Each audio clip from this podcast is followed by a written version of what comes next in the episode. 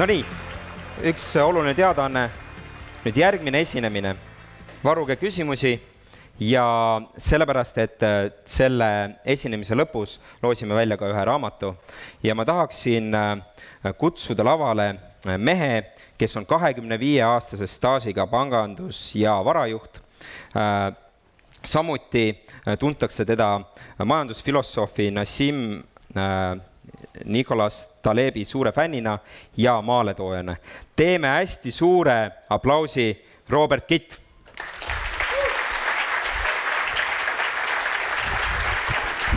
tere, Robert. lava on sinu. suur tänu. nii, ma kõigepealt panen selle siia ära, muidu kukub maha. no nii, tervist eh,.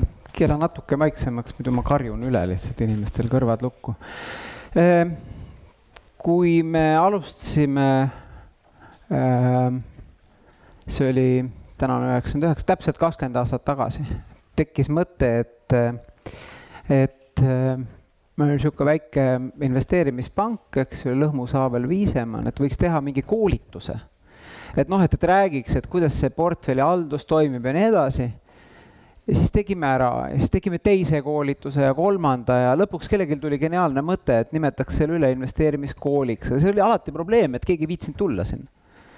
et noh, lihtsalt noh, et, et jah, et, et sul oli paarkümmend inimest, kes selle asjaga tegeles ja nemad käisid kogu aeg seminaridel kohal niikuinii ja siis äh, rohkem ei viitsinud tulla nüüd korraldajatele lihtsalt, äh, te rääkisite siin kuussada kuuskümmend või midagi sellist.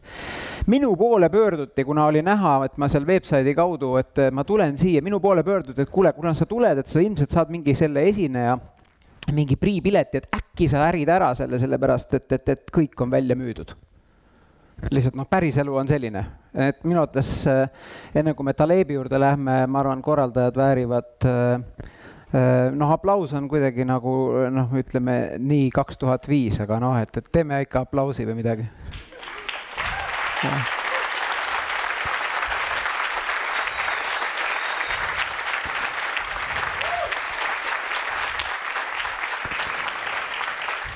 aga äh, umbes samadel aegadel äh, tõmbas minu tähelepanu portfelliteooria portfelliteooria, nüüd siin on investeerimishuvilised, eks ju, mille sellised vanaisad on äh, Markovits, Schaap, teised ja, ja seal äh, käsitleti siis nagu ühesõnaga noh, kuidas sa portfelli teed, optimeerid, sul on varaklassid, sa kombineerid neid kokku, neil kõigil on oma mingi risk ja tulusus, eks ju. ja, ja noh, tulumäär on selline, risk on siis tulumäärade standardhälve ja noh, et, et ühesõnaga väga tore, saab arvutada ja mingi graafiku teha ja nii edasi ja noh, niisugune materjal on internetist vabalt saadaval või võib osta ka kalli raha eest Markovitsi mõne raamatu. ja ma hakkasin praktiliselt sellega tegelema LHV-s, portfelli, äh, portfelli juhtimisega ja tabasin hästi ruttu probleemi, et äh, Vene aktsiaturu tootlus aastal kaks tuhat, ajalooline tootlus, sõltus sellest, kuhu panen alguspunkti. kui ma panen alguspunkti üheksakümne üheksanda aasta algusesse, on aktsiaturu tootlus sada prossa per annum kui ma panen alguspunkti üheksakümne kaheksanda aasta keskele, noh, siis on veidi vähem. ja kui ma panen üheksakümne kaheksanda aasta algusesse, siis on Vene aktsiaturu tootlus miinus üheksakümmend protsenti. et äh, need on nagu midagi on valesti, mis toimub, midagi on valesti. standardhäälvel on mõnevõrra stabiilsem, äh, Exceli käsk STDev viskab selle äh, küllalt kärmelt välja, aga no kahtlusi ja hinge. muuseas sain äh, super, sain tipis äh, magistrikraadi, kirjutasin kokku mitukümmend lehe, võib-olla isegi mitusada lehekülge. ja, ja aga noh, kahtlusi ja hinge. siis ma läksin õppima füüsikat ja noh, muidugi selgus suhteliselt nobedalt, et, et noh, päriselus äh, standardhälve ei kirjelda investeeringute riski ja siis hakkasin nagu mõtlema, et aga millest üldse selline loll mõte tuli, et kasutada statistikat äh, äh, majandusprotsesside kirjeldamisel. ja siis ma nägin, noh, ütleme selle äh, oma igapäevases töös ma nägin pidevalt olukorda, kus noh, ütleme varahaldurid, investeerimiseksperdid tulid kohale, siit tollal olid väga populaarsed, ma ei tea, kas täna on ka Ibbotsoni graafikud. Ibbotson and Associates, kes tegi graafiku, kuidas aktsiaturgude ajalooline tulumäär on kümme protsenti ja siis kakskümmend üheksa läks alla ja sellised ilu-, noh, kõik graafikud läksid niimoodi. Ja, ja siis mõtlesin, et aga huvitav, et noh, miks see nii on, et kui ma õpin äh, loodusteadusi, siis ma saan aru, et et, et noh, meil kehtivad superuniversaalsed põhimõtted, need on loodusseadused, need kehtivad sõltumata ajast ja ruumist.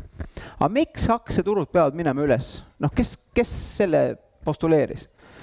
siis ma, ja siis küsisin vanemate kolleegide käest, et noh, et, et hüva, heakene küll, aga kui nii on, et aga miks need Jaapani aktsiaturud ei ole endiselt veel veerandigi peale jõudnud sealt, kust nad kaheksakümne kaheksandal aastal lahkusid niimoodi?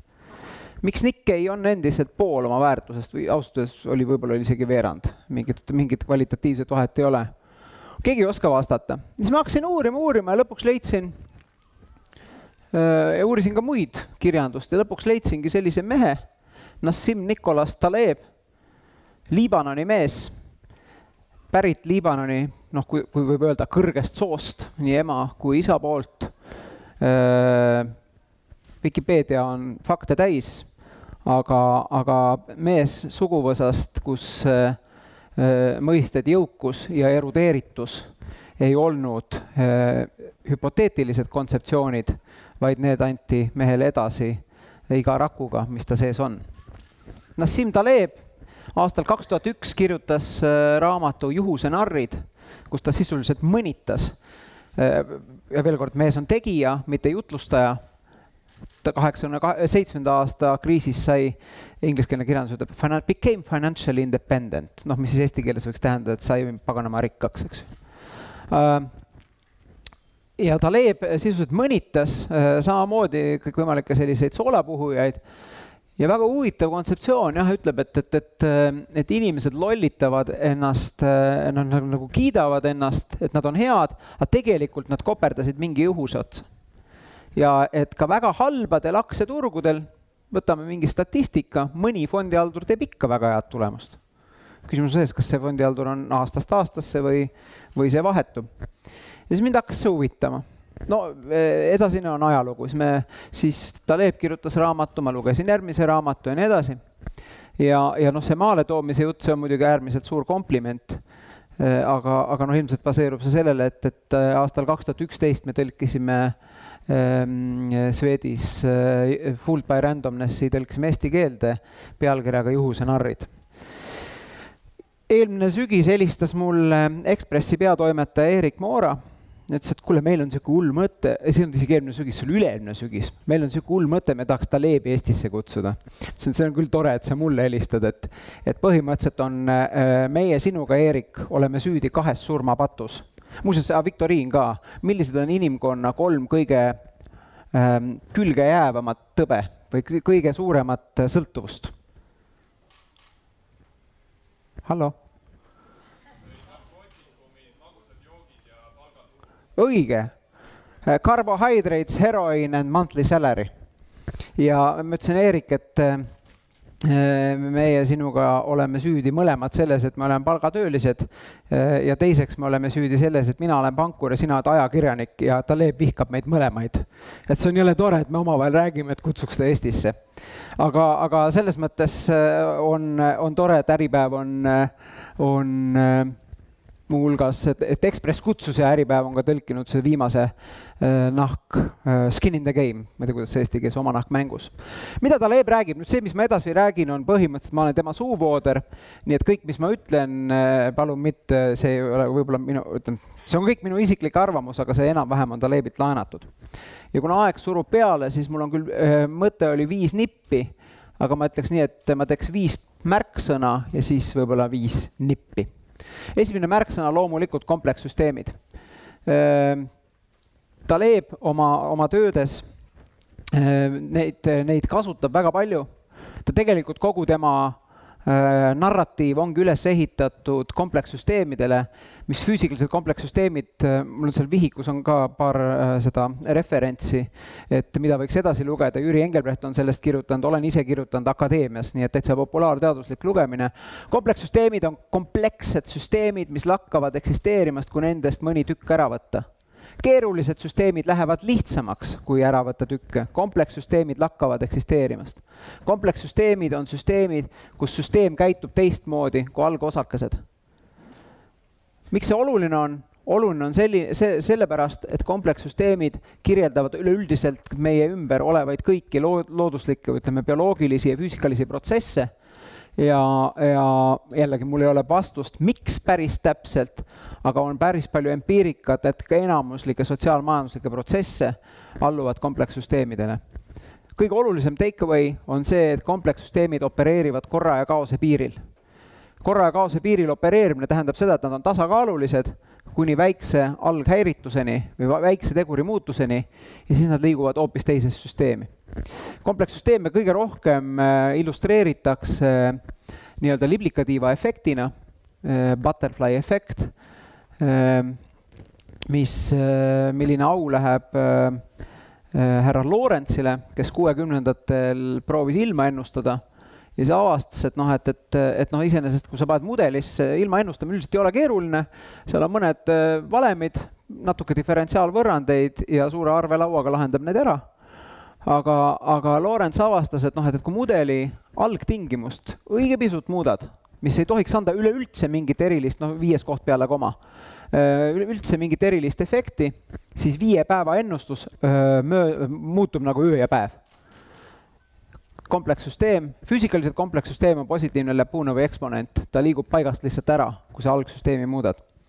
reaalses elus tähendab see seda, et piisab väiksest otsusest, piisab väiksest trigger'ist ja mingisugune, kas turg tõu-, kukub või mingisugune aktsia läheb lendu või mingi uus tehnoloogia läheb lendu ja toimub mingisugune muudatus, mis kvalitatiivselt muudab meid ümbritsevat keskkonda.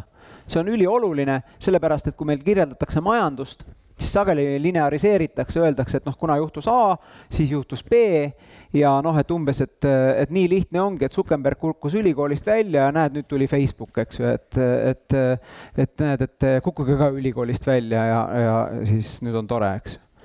see on samamoodi, et ainus äh, ja see on minu arvates ka Talebi üks põhilisi lisaväärtusi on see, et ta lihtsalt noh, mõnitab niisuguseid äh, narratiive. ja äh, kõige suurem ühisomadus, mida on avastatud self-made miljonäridel, on see et, et nelikümmend neli protsenti on düsleksikud. mis tähendab seda, et nad ei oska noh, lugeda põhimõtteliselt. et see on kõige suurem ühisomadus, kõik muu on väiksem aga noh, ütleme, et kas te tahate, et teie laps oleks düsleksik eesmärgiga, et ta saaks miljonäriks, noh ei taha sest, sest kaheksakümmend protsenti düsleksikutest on vanglas, eks. noh see on, äh, see on äh, probleemi lineariseerimine, mida noh, sageli tehakse. teine põhimõte, äh, asümmeetria ja riski ülekandmine. kui bioloogilised süsteemid arenevad ja majandussüsteemid ja nii edasi, siis arenetakse samm-samm haaval, mingi geen kuskil muutub, liigutakse edasi-tagasi, kui on geenimutatsioon on halb, liik-, see isend sureb välja, kõik nii edasi, kui ei ole halb, minnakse edasi, toimub samm-samm haaval. Eesti keeles on väga hea sõna, on katse-eksituse meetod. Äh, Taleb kasutab tinkering või, või äh, no ütleme ikkagi piecemeal äh, innovation või midagi sellist. ütleks samm-samm haaval katsetamine. bioloogilised süsteemid arenevad niimoodi, niimoodi toimub progress ja niimoodi surrakse välja. Point, see, kes areneb, võtab riski. kas sa saad surma või siis arened edasi. tavaliselt sina ei arene, vaid sinu lapsed. Mis on juhtunud sotsiaalmajanduslikes süsteemides ja seda siis ütleme, bioloogilised süsteemid on edasi kantud esimesed seadused, mis üldse maailmas olid, Hammurabi seadused, neli tuhat aastat vanad, mis äh, lihtsustatult ütlevad seda, et hammas hamma, silm silma vastu. kui e-, ehitaja ehitab maja ja see kukub omanikule pähe, siis tuleb ka ehitaja ära tappa. ta võtab isikliku vastutuse nüüd üheksakümmend protsenti inimestest oma tegevusega võtab isiklikku vastutust. ma, ma, kui sa elad kuskil, käid, käid poes, Selveris kohalikus, sinu nägu teatakse ja nii edasi, teed mingi sigaduse, üldiselt kõik teavad sind, eks äh, ja siis on kümme protsenti inimesi, kes teevad, äh, keda ei teata ja kelle risk äh, on, kes võtavad riski, mis transferitakse üle, seda Taleb nimetab Rob Rubini treidiks.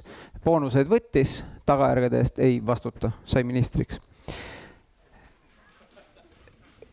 probleem ei ole selles, et äh, inimene võtab, eks ju, riski ja saab surma.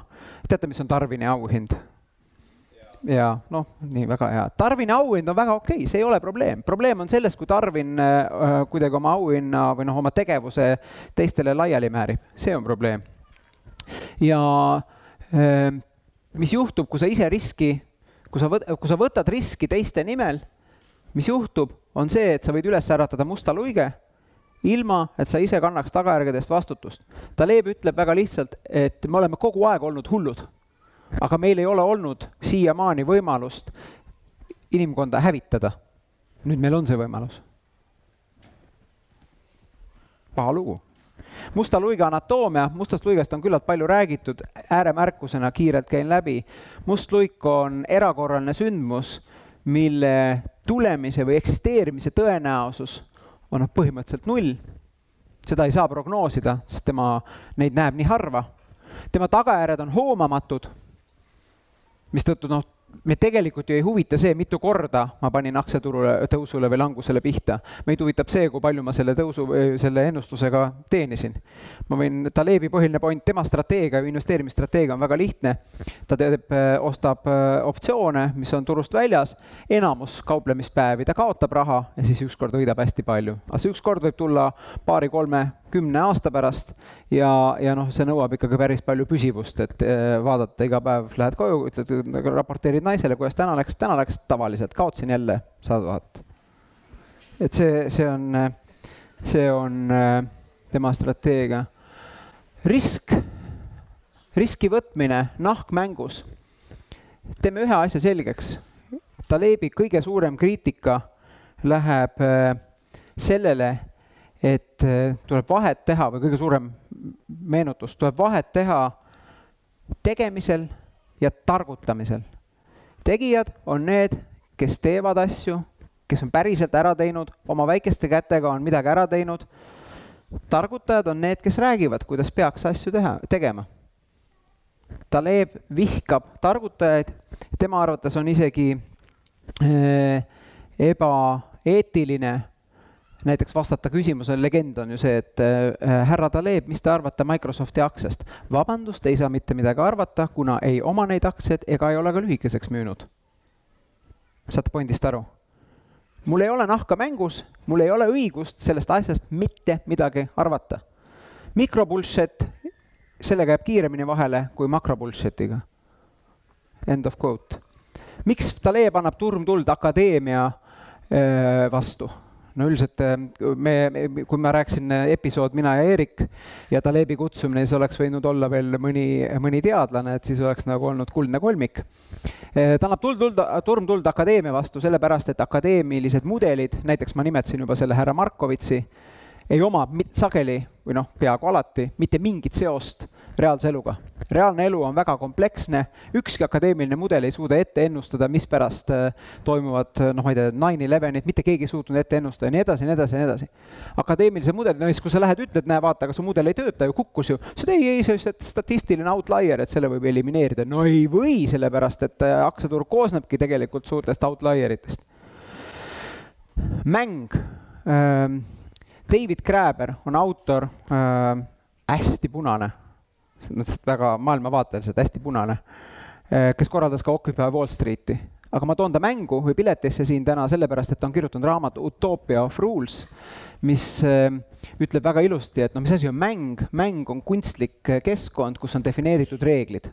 male on mäng, nii edasi nüüd elu kirjeldamine mängureeglitega, näiteks see, et me võtame vastu ja meil jõustub esimene juuli jälle nelisada seadust, on küsimus, kas me liiglihtsustame olukorda, kas me tekitame õpitud abituse kohas, kus tegelikult peaks ise mõtlema.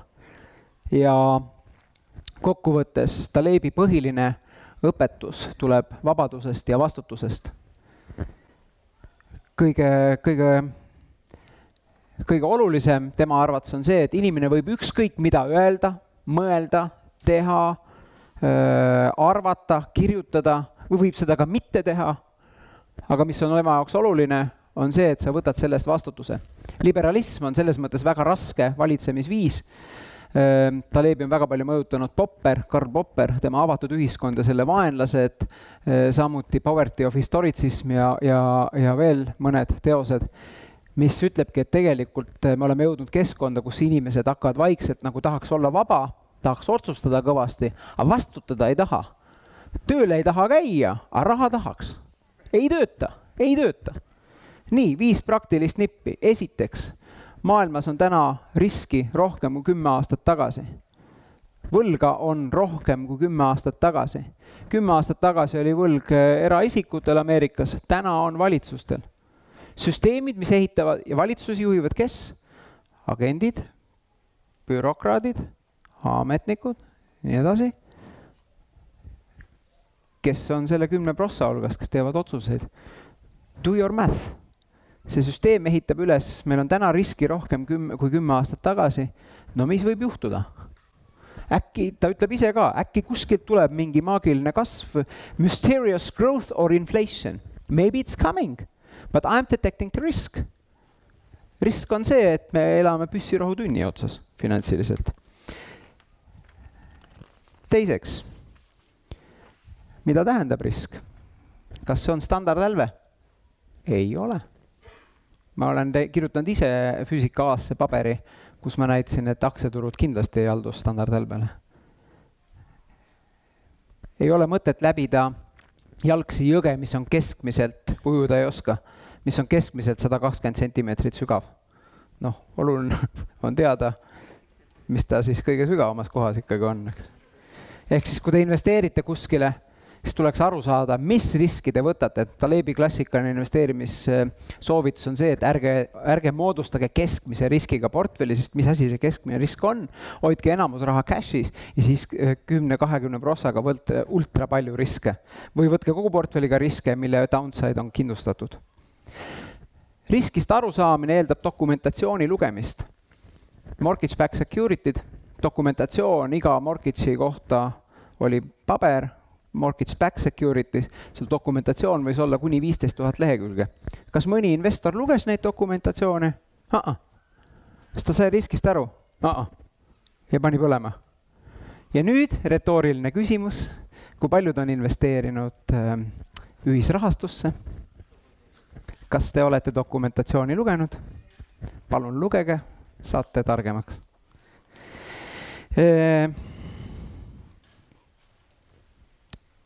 targutaja või tegija, kes räägib? et Talebi kindel nägemus on see, et, et vähem finantsprofessoreid ja rohkem hallipäiseid kauplejaid, sest sõna senatus või šah, vastavalt siis ladina ja pärsia keeles, tulevad äh, sõna või tüvest kogemus.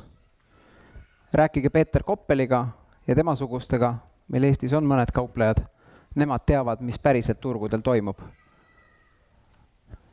ja viimaseks, oma nahk mängus.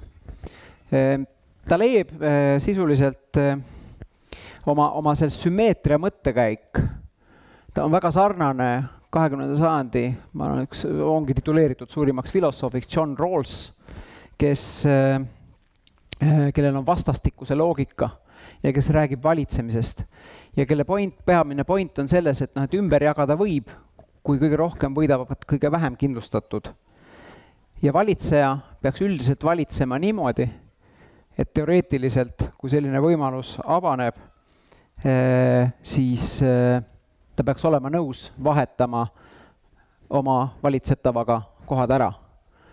ja nüüd eh, see on minu enda niisugune praktiline soovitus, olles ise olnud äh, Äh, tippjuht aastaid. et kui te inimestega suhtlete, tegelikult mulle ütles üks kunagi üks vana kolleeg, äh, me pärineme kõik, mina käisin Lasnamäel saja viiekümne kolmandas lastepäevakodus, õudne, siiamaani kardan arste. Äh, aga, aga põhimõtteliselt on see, et me pärineme kõik ühtedest samadest lasteaedadest, ühtedest samadest koolidest. paljud meist sõid sedasama rõvedat leiva või klimbisuppi, mida lasteaias pakuti ja olid sukapüksid, kus ees oli üks ja taga kaks triipu, eks. see, et mul läks vahepeal, läks elus hästi, ei tähenda seda, et ma oleks kuidagiviisi parem. ärme tee eh, juhuse narre. Eh, see tähendab seda, et võib-olla ma olin lihtsalt natuke õnnelikum, võib-olla tegin mingil hetkel natuke rohkem tööd, aga see ei tähenda, et ma olen kuidagiviisi inimestest parem. ma arvan, et eh, hästi lihtne soovitus ja väga praktiline nipp on see, et, et tegelikult teised inimesed, nad teevad oma otsuseid, nad elavad oma elusid nii hästi, kui nad oskavad. me kuidagi ei saa öelda, et ma olen parem kui tema või halvem kui tema. ehk siis kokkuvõttes naeratage üksteisele, öelge hästi ja kui on kriitikat öelda, öelge viisakalt, ei ole vaja lahmida, elus on niigi pahasti asjad kõik kogu aeg. Ja, ja sellise positiivse tooniga, et tegelikult äh, riskitransfer ma transformeerin ju oma energiat, kui ma olen pahane töö juures, mölisen allu. jään hiljaks ja loen lehte demonstratiivselt, see tegelikult rikub teiste tuju ka ära mul ei ole mingit mandaati seda niimoodi teha ja soovitan, soovitan soojalt, et ka siin festivalil hoidke seda tuju niimoodi üleval, nagu ta on ilusti alanud. et äh, naeratage, sest kunagi ei tea äh,, kellele, kelle juurde te järgmiseks tööintervjuule lähete. aitäh! no nii, üks, üks, üks. aitäh! aitäh! aga võtame veel kiirelt mõned küsimused et meil on kaks mikrofoni siin käimas, üks on seal ja teine on Markuse käest, et kas tõstke üles käsi, kellel on küsimus juba olemas, mõni, mõni küsimus? kindlasti on tekkinud mõni küsimus. kas seal oli üks käsi, ei olnud, see oli Kiik? keskmine eestlane küsib äh, oma okay, elu jooksul null koma üks küsimust. tuleb viis sekundit oodata. kellel on küsimust? ma võtan selle raamatusse endale aga mul on küsimus, et kas saaksid tuua mõned äh, sellised musta luige sündmused välja, mis on toimunud siin just aktsiaturgudel natukene detailsemalt? et mis on juhtunud ja miks on juhtunud? Ehm, nagu mulle ülikoolis õpetati, et sellele küsimusele saab vastata jah, saan, ei, ei saa, saa.. Ehm, jah, võin küll tuua, jah. Aga palun too siis. Ehm, mustad luiged võivad olla positiivsed ja negatiivsed, ma arvan, et see on hästi oluline aru saama, kui me räägime riskist, siis kõige risk eesti keeles omab sellist negatiivset, äh, negatiivset varjundit, eks ju. Risk on tegelikult exposure against uncertainty ehk siis äh, äh seotus äh, tõenäosuslikkusega. kui ma astun lennukist välja ilma langevarjuta, siis mul ei ole riski, raudpolt, ma saan surma Nigeeria kirjad ei ole ka mingi risk, sest ükski inimene ei vasta neile. sul ei ole exposure't. Ehm, aga, aga risk tegelikult on exposure against uncertainty, risk võib olla nii positiivne kui negatiivne. Ehm, ma ei tea, positiivse, positiivse poole pealt ehm, meil on Eestis ühe koma kolme miljoni inimese kohta kolm unicorn'i, võib-olla on isegi neli et noh, ma ei tea, kas, kas üldse midagi saaks paremini, jällegi mitte targutaja, aga tegija, kas meil on, äh, kas midagi saaks üleüldse paremini kirjeldada äh, seda, et on tegelikult äh, Eestis pandud kokku tiime, mis on lisanud meeletut väärtust. negatiivse poole pealt aktsiaturgudel no natuke keeruline, sest ma olen üldiselt endiselt insider praktiliselt kõikides Eesti ettevõtetes aga, aga eh, võtame siis natuke, natuke rohkem tagasi, et eh, mitu ettevõtet eh, on endiselt elus või Standard Poor's näiteks või ütleme Dow Jones Industrial Average'is, kes olid seal kolmkümmend aastat tagasi. et noh, ma tean, et IBM on kindlasti, aga IBM on ka kolm korda ennast ümber keeranud oma ajaloo jooksul, eks ju ja nüüd nad ütlevadki, et nendel on äh, uus strateegia, mul õnnestus käia äh, kaks tuhat seitseteist sügisel San Franciscos Watsoni peakontoris. Et noh, cognitive science äh, on nende uus strateegia, et see on see, mis on IBM. Microsoft, nad on pilve, eks ju, ettevõte ja nii edasi. aga negatiivsed mustad luiged on loomulikult see, et, et põhjusel X, Y, Z liiga palju professionaalseid mänedžere, liiga kaugel on omanikud Eh, operatsioonidest ja ettevõtted on ärist välja läinud. ja kuidas see on, et restoranid ei saa paremaks läbi selle, et eh, omanik õpib paremini süüa tegema, vaid läbi selle, et nad lähevad pankrotti ja tuleb uus ja parem. aitäh, aitäh. aga ma jätan selle raamatu siis äh, siia. see oli mõeldud sellele, kes esimesena küsib, ma arvan. aga ma jätan ikkagi selle siia, et kui, oot, tuli, tuli, tuli, tuli suur tänu selle esitluse eest. esitluse lõpp oli ka hästi vahva, eriti just see osa, et tõesti, et ei tea, kelle juurde tuleb töövestlusele minna ja nii edasi. kas see esitlus oli sul kokku pandud ennem või peale seda, kui Swedbanki seda juhtumit uurima nüüd hakati ja siin, sind siis kõrvale või hetkel lükati? Talibist ma arvan, ma võin une pealt rääkida, sõltumata ajahetkest ja, ja ei ta ikka oli ennem ju. ma sain aru, mis sa küsisid, aga vastus on, et oli ennem okei okay,, võtame selle ühe küsimuse veel sealtpoolt ka.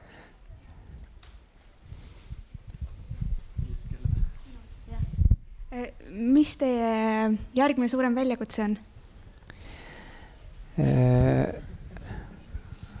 see on hea küsimus, et eelmine suurem väljakutse, Romka, saad see koti üles tõsta, et näed, et ma tegin, tuli sügisel geniaalne mõte äh, äh, hakata sporti tegema, kaheksa kuud, kolmsada tundi, kolm tuhat kilti, kusjuures oligi kaks tuhat üheksasada viiskümmend neli kilti wow.. miinus kaheksateist kilo ja tegin Otepää Ironmani ära. et ma nüüd pean järgmist väljakutset natuke wow. mõtlema uh!.